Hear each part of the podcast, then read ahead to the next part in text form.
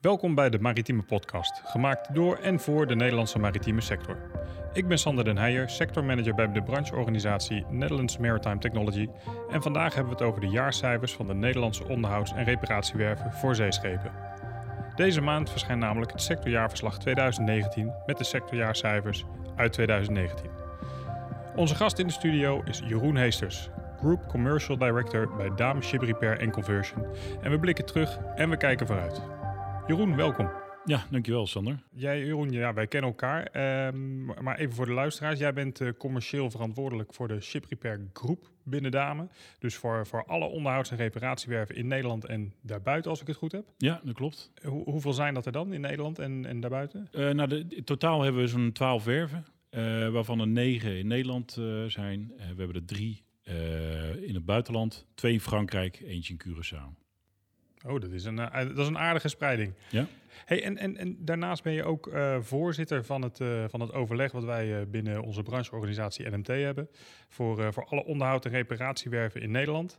Ehm, ja, al met al heb je denk ik dus een, een goede kijk op wat er, wat er in de sector speelt. En ehm, ja, zoals gezegd, we gaan dus kijken naar de, naar de sectorjaarcijfers van, van het afgelopen jaar.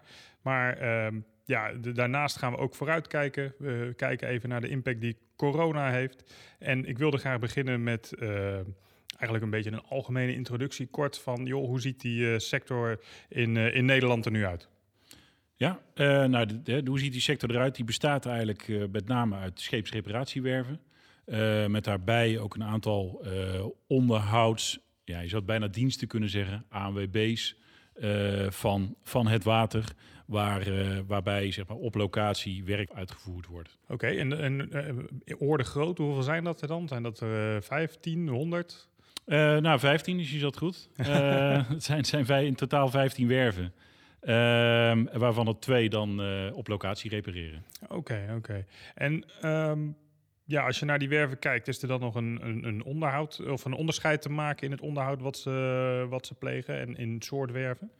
Uh, ja, daar is zeker, zeker een in te maken. Uh, je hebt in ieder geval het verschil van, van uh, hebben we eigen dokken al dan niet? Hè, of repareren we op locatie? dan zie je ook nog onderscheid in het type werkzaamheden die de werven doen. Hè, dat, dus dat kan zijn gewoon knippen scheren werk, zoals dat in het vakjargon heet. Hè, het standaard onderhoud, zeg maar de APK voor het schip. Um, en je ziet werven die veel meer gespecialiseerd zijn op complexe refits van schepen, uh, ombouwen uh, en ook retrofits. Um, en, en vanuit economisch perspectief, want we hebben op dit moment hebben we het dus echt specifiek over die onderhoud en reparatiewerven. Maar uh, is dat nou gewoon hetzelfde economisch gezien als een nieuwbouwwerf en, en voeren ze andere werkzaamheden uit? Of is het echt wel een ander soort business? Nou, het is echt een compleet andere business met een hele andere dynamiek. die begint al aan de voorkant hè, bij het verwerven van de opdracht. Waarbij je ziet dat de doorlooptijden voor een, uh, het verwerven van een nieuwbouwopdracht vaak vele malen langer zijn dan voor een reparatie of een onderhoudsklus. Um, en daarbij zie je ook dat de horizon een stuk korter is voor, uh, voor de reparatiewereld. Hè, een stuk grilliger. Wij kijken weken vooruit, geen jaren. Met een beetje geluk met een grote ombouw kijk je wat verder vooruit. Of de cruise-industrie kijk je iets verder vooruit. Uh, maar over het algemeen is het een korte horizon waar we naar kijken. Oké, okay. en, en hoe moet ik me dat dan concreet voorstellen? Kan het zijn dat je, dat je vandaag gebeld wordt dat er uh, vanmiddag een schip uh, voor de deur ligt? Absoluut, absoluut. Hè. Het vaart liefst op vrijdagmiddag om, uh, om vijf uur. dat we te horen krijgen dat er, dat er een lekker ziel is of iets in een schroef zit, een aanvaring is geweest. en ze direct naar een werf toe moeten om reparatie uit te kunnen voeren. Ja, precies. Want dat, dat is natuurlijk ook. Het is niet allemaal gepland. Het kan ook maar zomaar gebeuren dat er een ongeval is gebeurd en dat, dat een schip ook droog moet. Ja, absoluut. absoluut. En dat, dat zijn altijd wel de krenten in de pap, zoals wij ze noemen in, in reparatieland. Waar een, een aanvaring, hopelijk zonder letsels, maar voor ons altijd goede business is. Oké, nou ja, volgens mij, volgens mij een interessant deel van de Nederlandse maritieme industrie. Um, gaan we nu naar de, naar de jaarcijfers voor 2019, het afgelopen jaar. Um, ja, ik zal eerst maar eens even zeggen wat, uh, wat de sector dan in zijn geheel gedaan heeft. Er is uh, in 2019 uh, was er een omzet van 429 miljoen euro. Dat is, een, dat is een plusje ten opzichte van 2018. Toen was er 416 miljoen euro. ja, al met al is het, is dus redelijk stabiel. Een ongeveer 3% stijging in omzet. het jaar daarvoor echter was er een stijging van bijna 10%. Maar als we iets verder terugkijken, dan, ja, dan, dan, ging het de jaren daarvoor ging het toch, wel, toch wel minder. Dus het is goed dat er een stijgende lijn in zit. Maar als je kijkt naar een jaar of tien geleden, dan, dan zijn we nog niet terug bij waar de, waar de sector was. Ehm, de werkgelegenheid die was in 2019 1655 personen. En dat is wel interessant, want in 2018 waren er 1751 personen. Dus het aantal medewerkers is, is iets gedaald. En misschien goed voor de luisteraar om te weten dat we het hebben dan over de eigen mensen, maar ook de inhuur van mensen. Dus jullie uh, flexibele schil. maar het is wel zonder de indirecte werkgelegenheid. Kijken we nu naar, naar de cijfers, die, of eigenlijk de achtergronden bij de, bij de cijfers. Um, ja, ik gaf het al even aan. Omzet is wat gegroeid, 3% ongeveer. Maar de werkgelegenheid die, die is wel wat, wat afgenomen. Eigenlijk raar. Is, is daar een verklaring voor?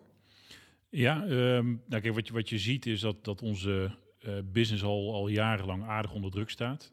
dus het is zaak voor werven om steeds efficiënter te werk te gaan. We zien daarbij dat het aandeel eigen personeel wat inkrimpt en we steeds meer gebruik gaan maken van een flexibele schil die we inlenen, maar ook steeds meer uh, delen van het werk, scopes, uitbesteden aan subcontractors. En dat maakt ook dat je die afname ziet in het aantal eigen en, en ingeleend personeel ten opzichte van die jaren daarvoor. Oké, dus, de, dus de afname die, uh, die is in de cijfers is het logisch, omdat ja, het heeft gewoon met definities te maken.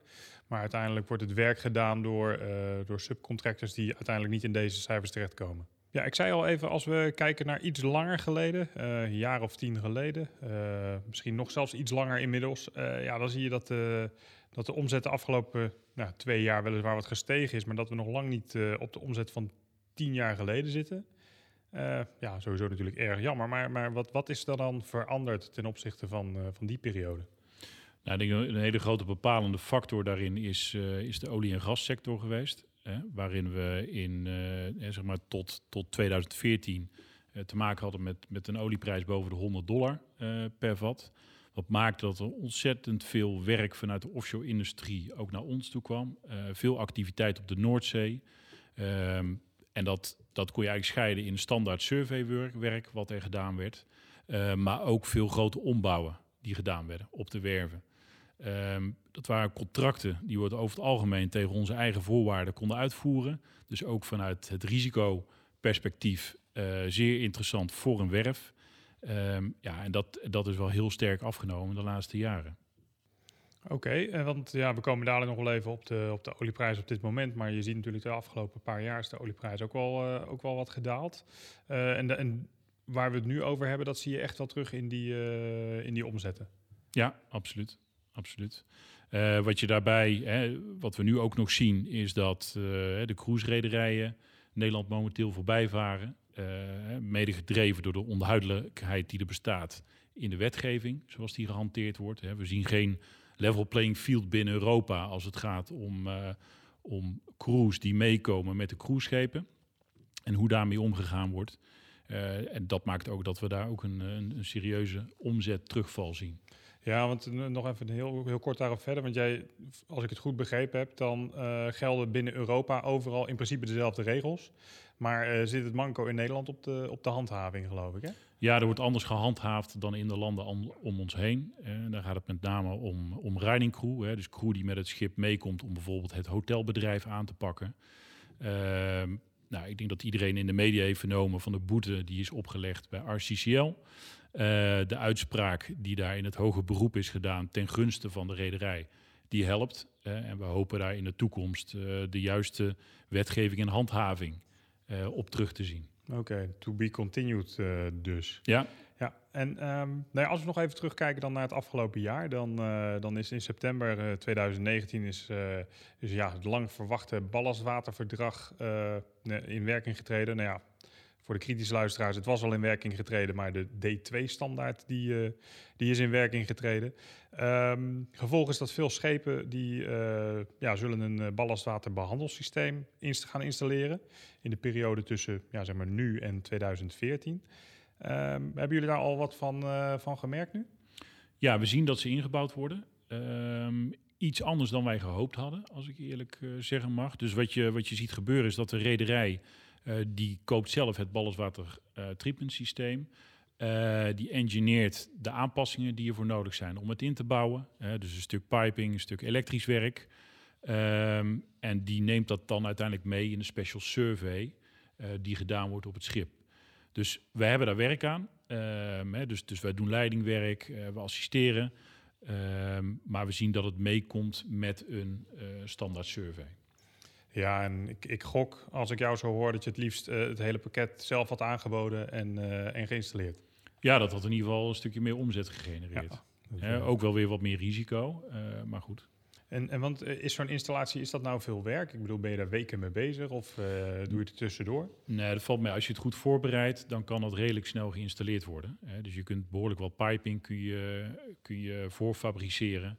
Uh, al het elektrische werk wat gedaan moet worden, kun je, kun je goed voorbereiden. Dus normaliter kunnen we dat gewoon tijdens een standaard survey van een schip kan een ballastwater treatment systeem ingebouwd. Hey, en uh, naast die ballastwaterbehandelsystemen, uh, nou, er is ook een hoop te doen over, uh, over scrubbers.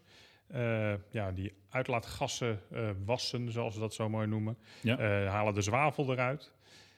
Ja, dat zijn volgens mij ook behoorlijke ombouwklussen die, die gedaan moeten worden. Uiteindelijk is dat een economische keuze vanuit, vanuit de reder.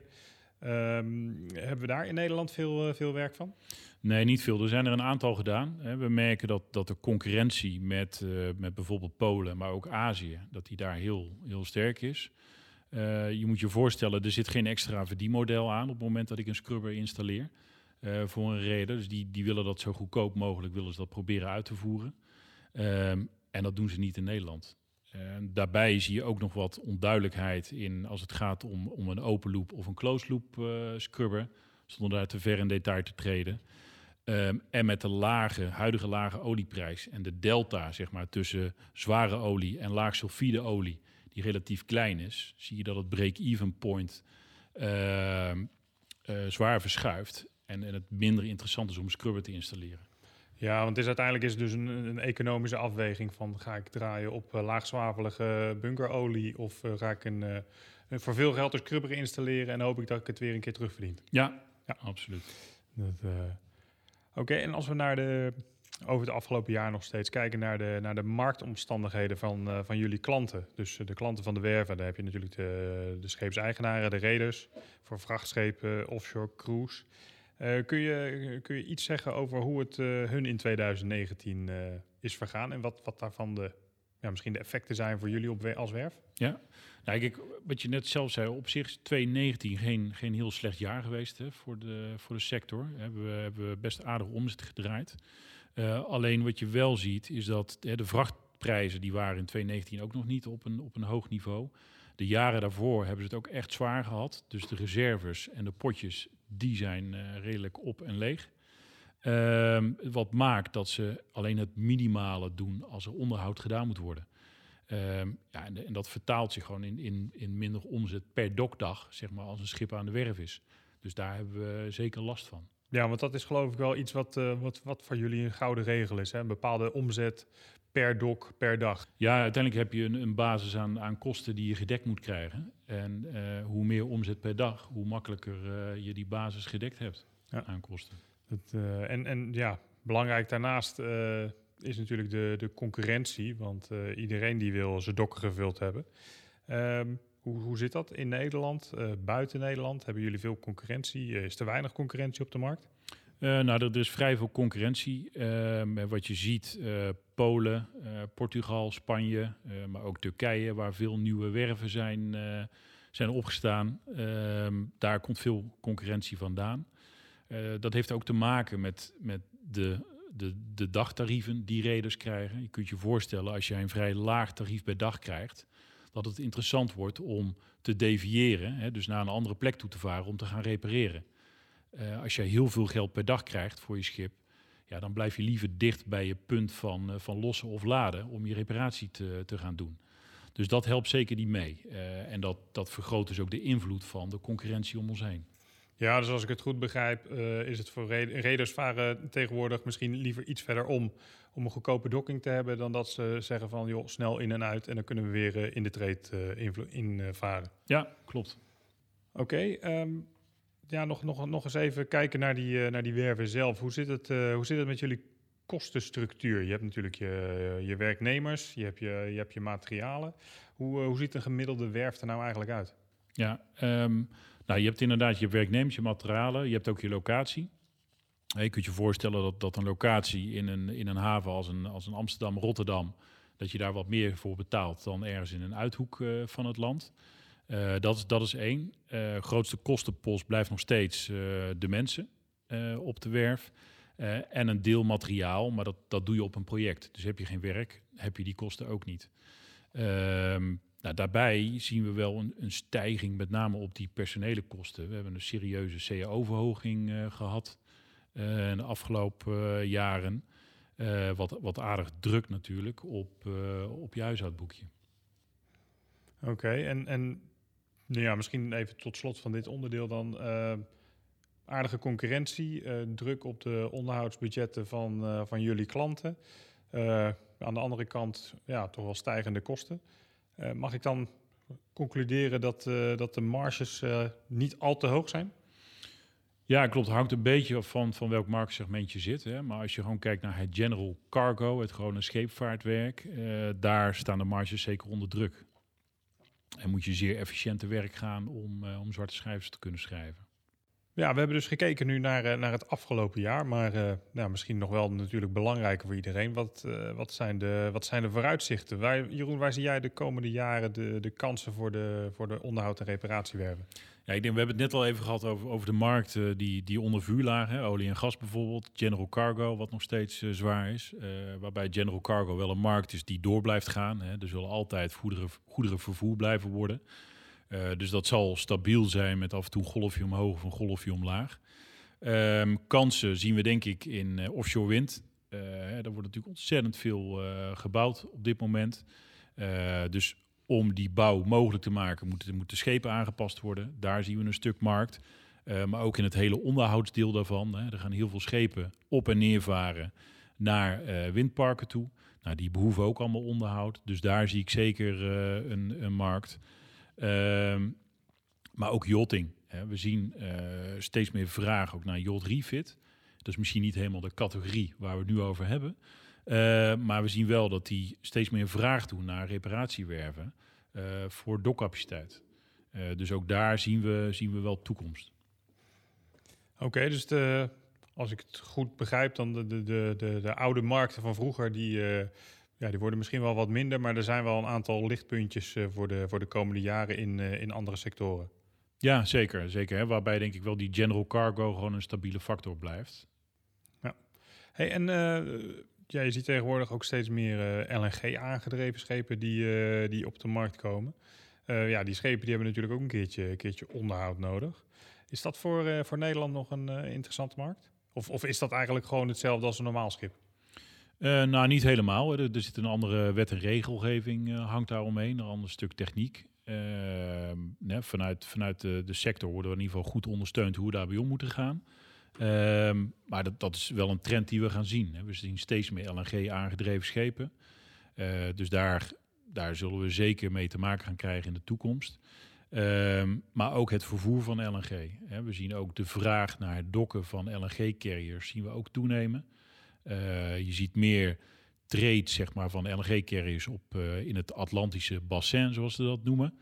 Uh, die letterlijk bij ons voor de deur langs gaan varen in Nederland. Dus ook daar denk ik dat we een stuk marktgroei kunnen verwachten. Oké, okay, en is dat dan nog specifiek interessant voor Nederland? Of eh, is dat een markt waar, waar iedereen om ons heen ook op springt? Um, ook om ons heen, maar ik denk dat we als Nederland goed gepositioneerd zijn. En als we zorgen dat we die kennis in, in huis uh, houden en verder ontwikkelen, dat we daar zeker goed gesteld staan. Ja, want ik heb geloof ik wel eens gehoord dat uh, LNG-kennis is wel een, wel een issue. Iedereen, het is zo booming dat, dat het lastig is om, om veel mensen met ervaring te vinden. Ja, nou, maar ook daar kun je wel weer ehm, terugvallen op, op subcontractors die daarin gespecialiseerd zijn. En die kun je in huis halen om het, het werk specifiek aan de LNG-installatie uit te laten voeren. Ja. Hey, en ehm, ja, er wordt natuurlijk ook uh, vanuit de maatschappij en de politiek wordt er steeds meer nadruk gelegd op het, uh, op het terugdringen van de CO2-uitstoot. Ja. Uh, klimaatverandering, dat soort zaken. Um, ja, de, aan de ene kant wordt daar vaak gekeken naar nieuw te bouwen schepen. aan de andere kant, de economische levensduur van een schip is ja, volgens mij 25 jaar nog steeds. Ehm, veel schepen gaan zelfs nog langer mee. Dus ja, voor die, voor, voor, voor die bestaande vloot, daar moet volgens mij dan ook wel dingen aan worden, worden verbeterd om die, om die uitstoot naar beneden te krijgen. Ehm, hoe, zien jullie die, uh, hoe zie je vanuit Nederland die ontwikkelingen en, en, welke impact heeft dat op de, op de onderhoud en reparatiewerven?